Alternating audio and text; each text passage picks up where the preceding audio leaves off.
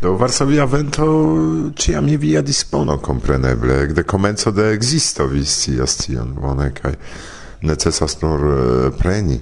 Ec ne necesas nin reklami uzu tion kion vi bezonas, char ti estas nia brancho sur kiu ni sidas, ĉu ne? kai ni zorgas pri la kulturo, faras tion sen iu intereso ke ni kolektmonon estis unu auskultanto, kiu sendis al ni kvardek eŭrojn do ni aĉetis diktafonon Do, se temas pri mono, mi estis eble pli bon chanza, char mi ne diris el vi, che compreneble, nun ni lancias programon eh, nur en iu profazo.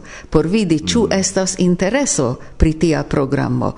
Kai se mi vidas che jes, ni construigas la veran, belan, pompan, definitivan programon. Mi ciam faras tiel por ne elspezi dec miloin da euroi, kai poste mm. neniu interesiĝas nomiĝas. Do por la unua projektfazo mi collectis monon per mia granda marchado.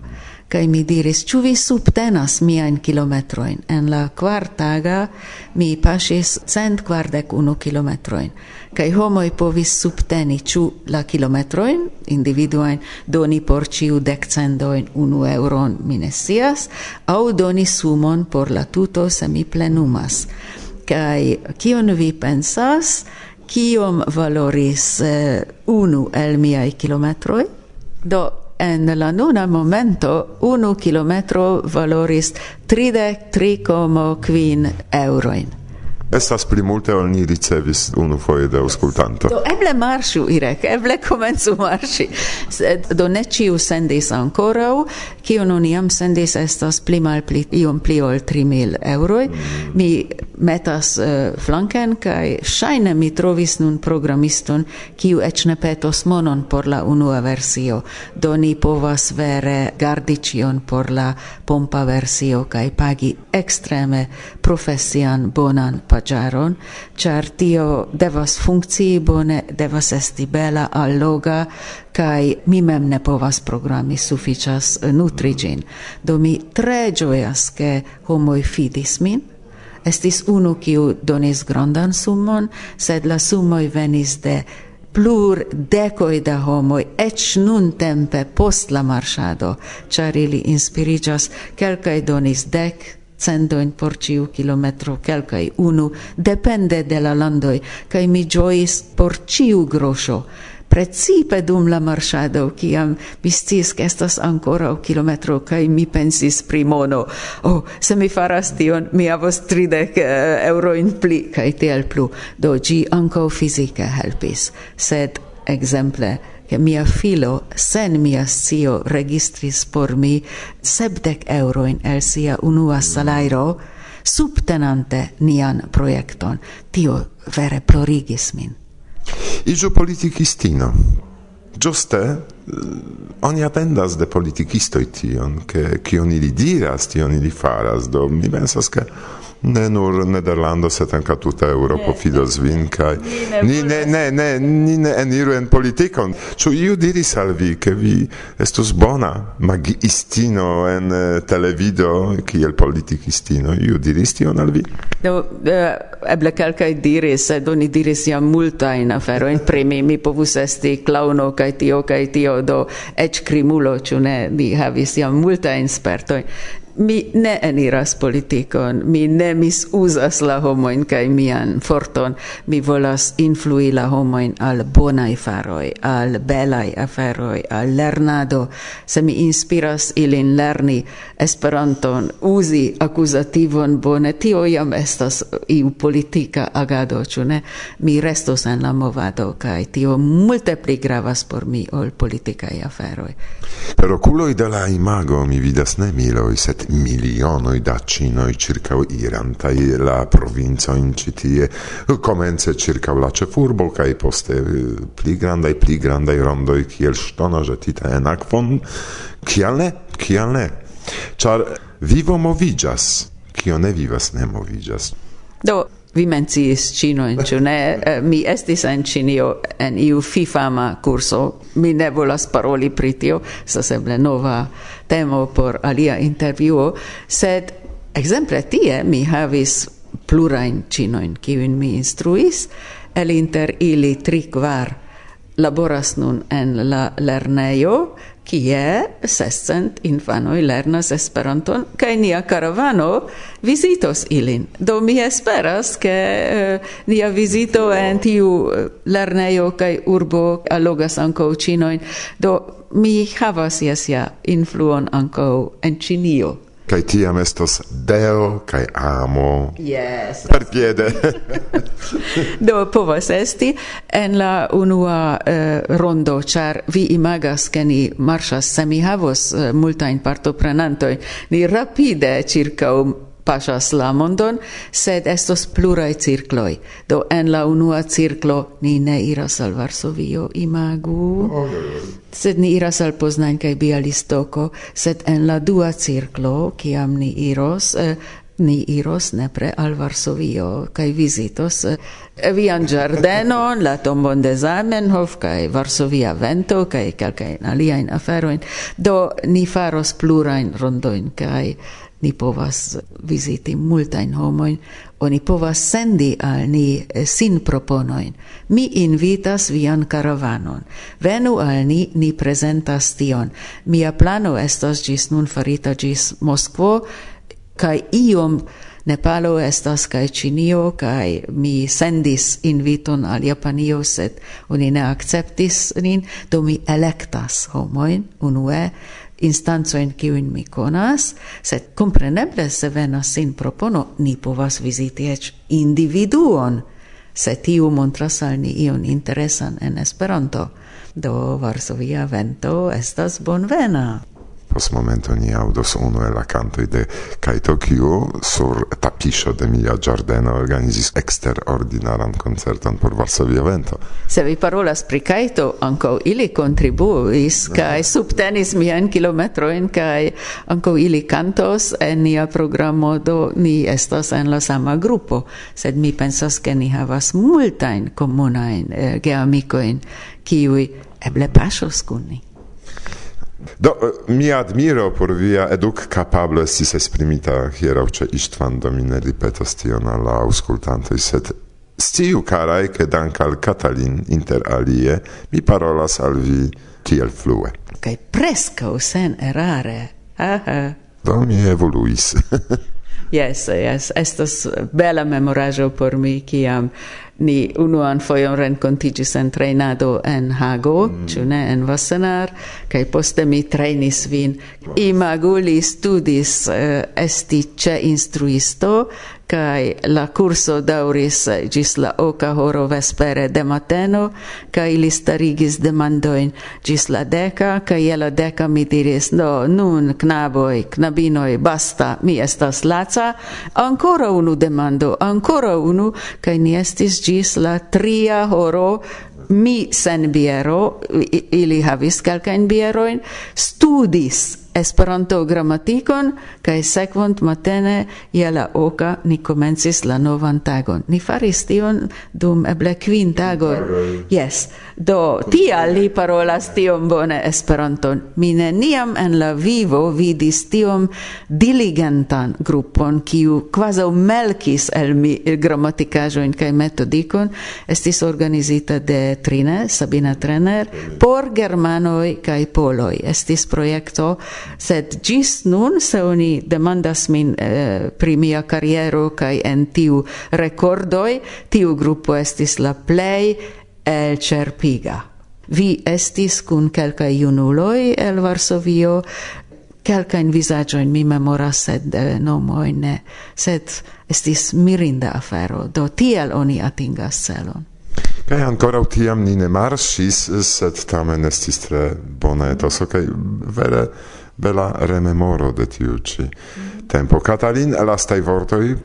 O, oh, sekvu min, marŝu, movu min, ec se nur gis la panvendisto, sed por du, tri halteioi ne uzu buson au aliain aferoin. Pashu, pashu, pashu, kun mi. Conan dankon pro rencontigio. Dankon anca al vi kaj salutojn al ĉiuj aŭskultantoj de Varsovia Vento. Bla bla bla.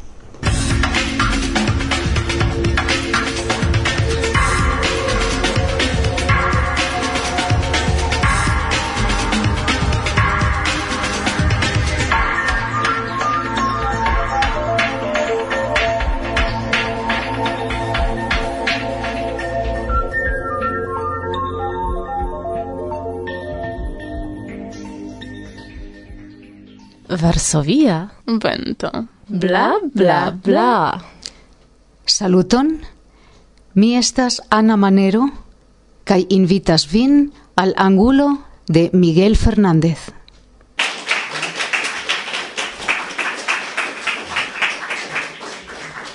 Jen nun boleroi kiuj fakte estas bolerigitaj cantoi. En la unua la lirican skuon estigas tres simplaj elementoj, etai afero el tivi kiuin Miguel laudis en sia unua canto. La alcrocitezzo de hedero al muro memorigas la poeton pri lia nepra alcrocitezzo alla bildo de disiginta a matino. Temas pri la hiedra, hedero, cun texto de Vincenzo d'Aquisto cae Ben Molar cae musico de Saverio Serazzini. Yes, temas pri italai autoroi. Cae ci canto, originale nomata ledera en la Itala estis presentita en 1920 en la Canto Festivalo de Sanremo, quancan gi famigis poste, cefe en mirinda versio de la mexica trio de boleristoi, Los Panchos. Aldonindas che la cefa ideo en gi en Havata inspiris al Miguel tutan serion da lirica i racontoi, qui sub la titolo Variazioi pri ama temo aperas en lia novel collecto La vorto cae la vento, Passendiare publikigita de la Novjorka eldonejo mondial. Do ek al lajedero.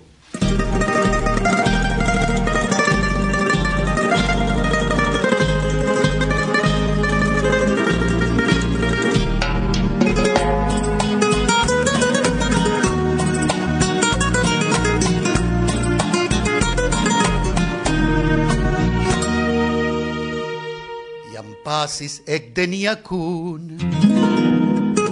Tiom da jaroj postlasis en plej griza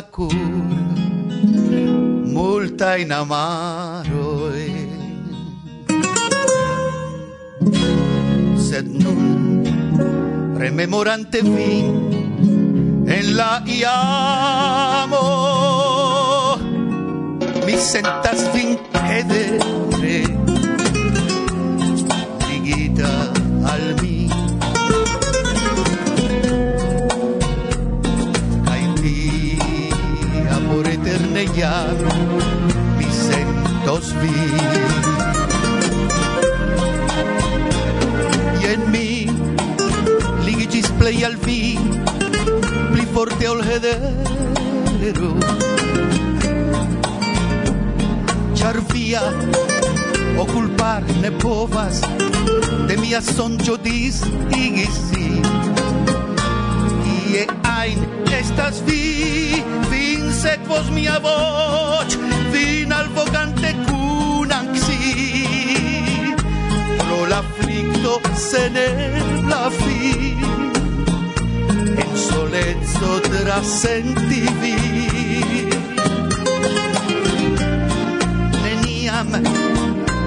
kai heder capablus compreni cipli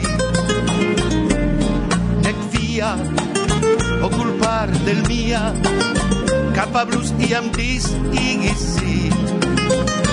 Ie ai estas vi fin sed vos mia voce vin al vocante percicant. Pli forte ol dolor Piazza Crociato y el Genero.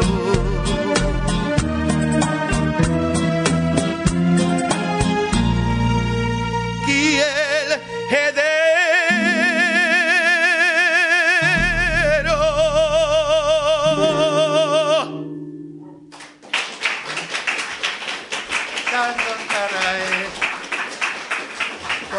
Por. Ĉu en viaj landoj okazas eventoj, kiu propagas legadon? Evoluo de tekniko, precipe la komputila, sed ankaŭ la televido, donis al la homoj novaj ebloj, kiu igis legadon de libroj ne tiel ordinara kiel iam. Mi memoras ke kiam mi estis infano, en multaj por infanaj libroj sur la lasta paĝo, oni ofte skribis legu al mi patrino. Kelka jaron poste oni komencis krome varbi gepatroin legi al siaj infanoin lau frap frazo tridec minutoi tage ciu tage.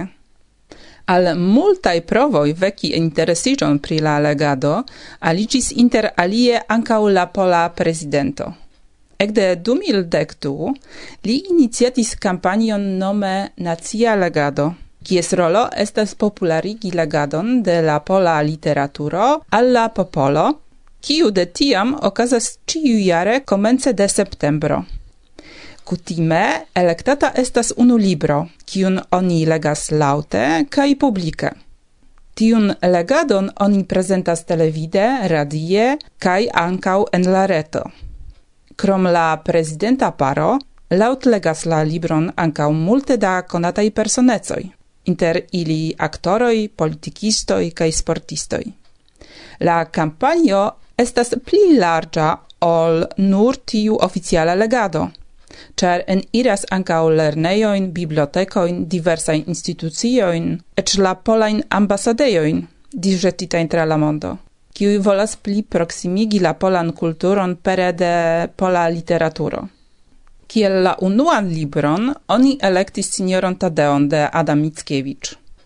En la sekva jaroj oni prezentis ankaŭ La Pupon de Bolesław Prus, Montfaman verkon Quo Vadis de Henryk Sienkiewicz kaj Antau Printempon de Stefan Żeromski. Ciu tiu libroj iam oni tradukis ankaŭ al Esperanto. Aligis do al la kampanjo ankaŭ la esperantistoi Esperante. Ciare, anstataŭ unu dika verko, oni proponis ok mallongajn noveloin, kiuj ligas polecon kun la universalaj mesaĝoj pri homo kaj socio. Samtempe ilia concisa formo iras en paro kun maestreco de stilo kaj elasteco de formarto, kiu en la mensoj de legantaro lasas neforgeseblajn impresojn. Ankaŭ ĉijare elektitaj noveloj estis tradukitaj en Esperanton, kaj la esperantistoj kompreneble aliĝis al la nacia legado en multaj urboj. El inter ĉiuj proponitaj noveloj mi deziras prezenti al vi almenaŭ unu fragmenton, por ke ankaŭ pere de niaj redakciaj ebloj aliĝi al la iniciato. Kaj mi elektis Mia patro aliĝas al la fajrobrigadanoj de kolekto La cinamo butikoj de Bruno Schulz laŭ traduko de Tomasz Chmielik.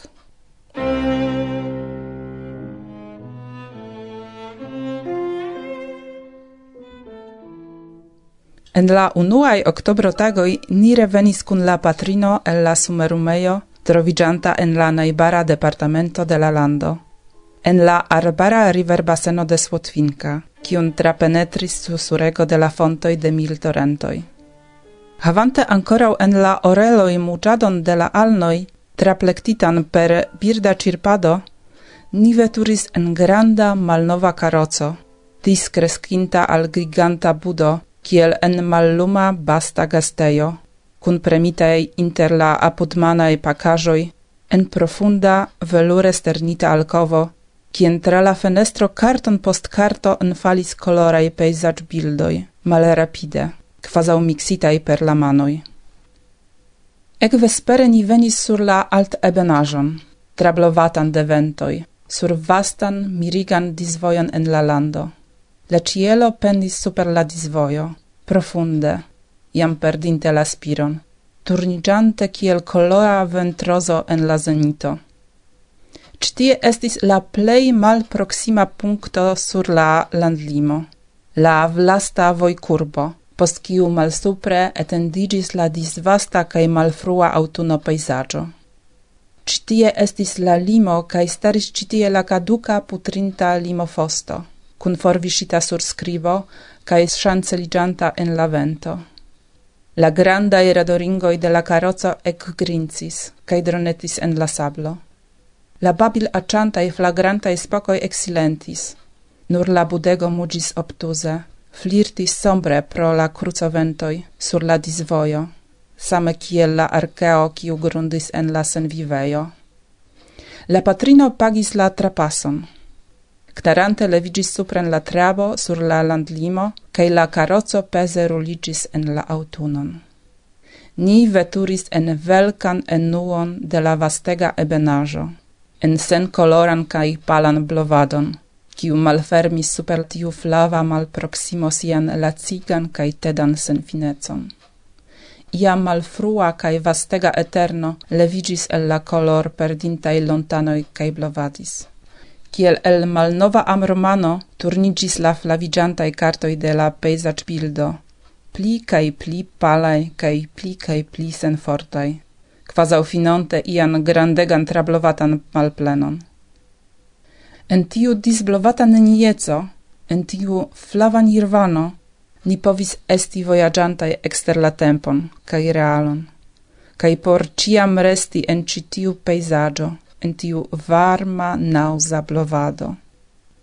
La senmova veturilo kun grandaj radoj haltinta inter la nuboj sur la pergameno de la cielo. Malnova illustrajo.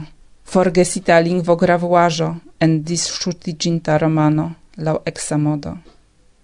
Ciam per la lasta forto la cocero altiris la condu crimenoin, shiris la carozon el la dolcia letargio de citiui ventoi, ventoj directigis en la arbaron. Ni veturis en densan kaj secan lanugetson, en tabak plenan velkadon.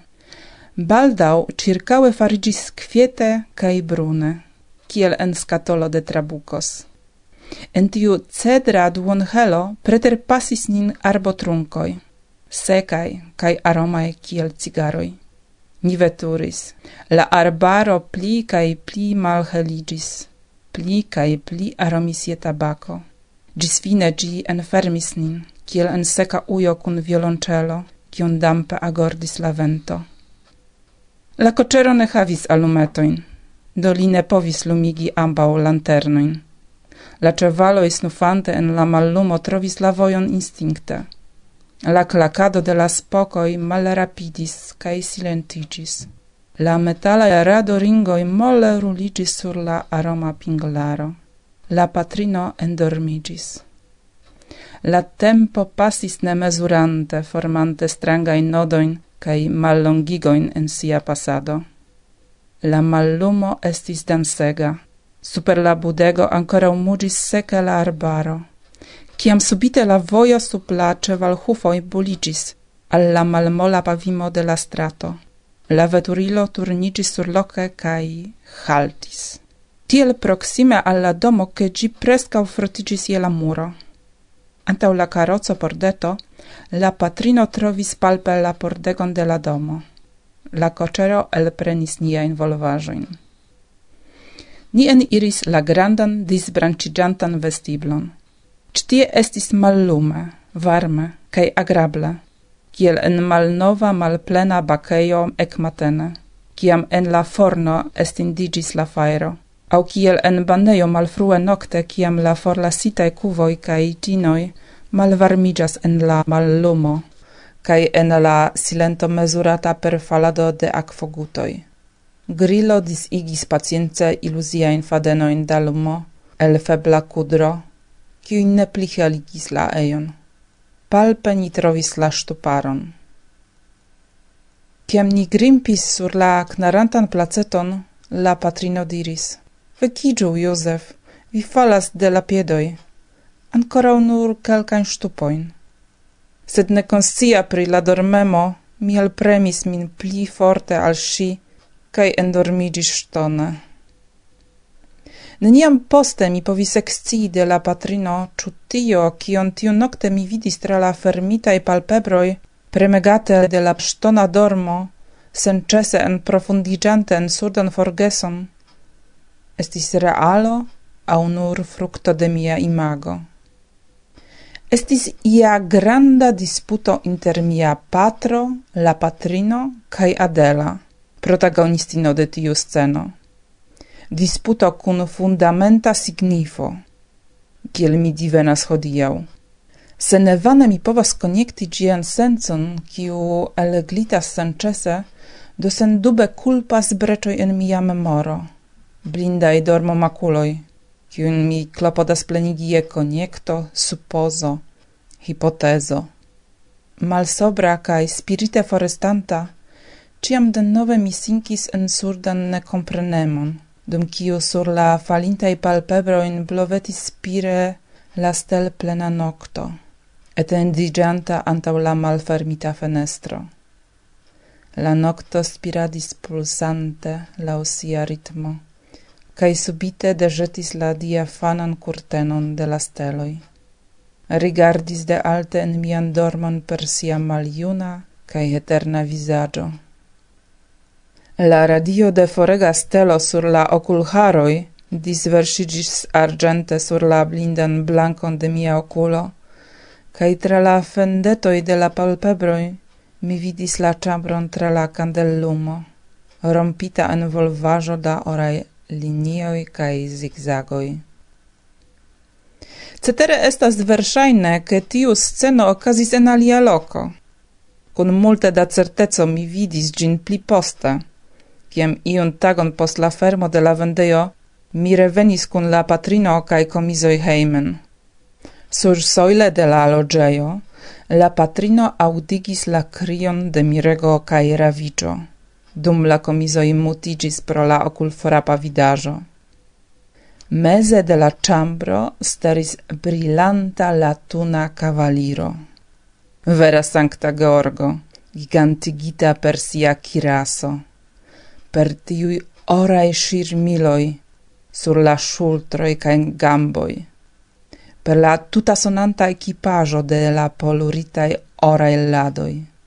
Kun admiro cae gioio mi reconis la tausitain lipharoin cae hirtan barbon de mia patro, kiu elstaris el sub la pesa casco de pretor guardiano. La kiraso ondosfelis sur lia malkvieta brusto. La latuna iringo spiradis tra la fendoi, kiel la corpo de grandega insecto. Gigantigita per la kiraso, li similis en la brilo de la ora lado la archistrategon por la cielai angel trupoi.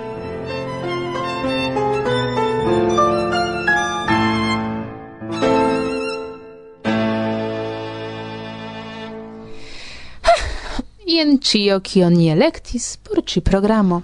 Ne cio fakte. Ne cio?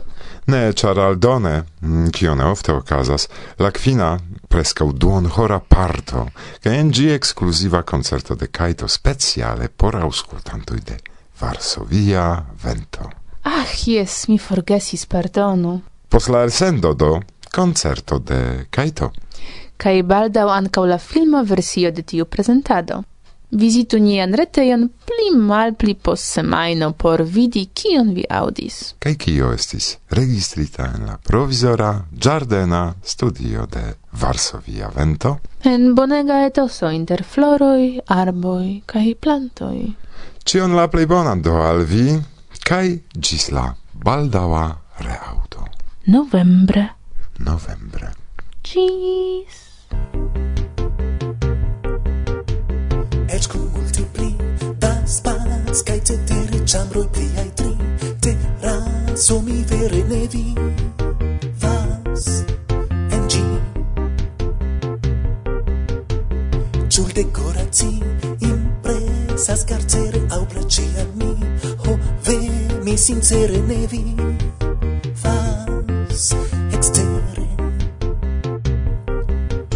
Cascas me subcitegment, fairo faifon exilent, de cicloi de la lun. Miain fingroin traglitas la lun. Tie estas nec color, nec malordo, nec odor, ciu devenas gi de den. Cine mie sahen.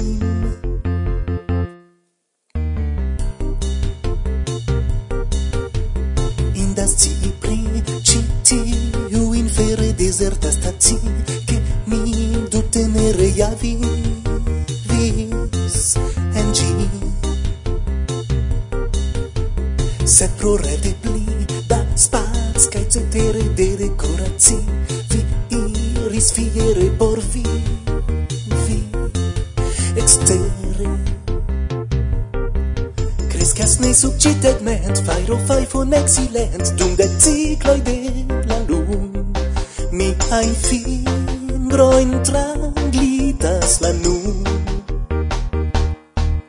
Tie estas nek color Nec malordo nek odoro de devena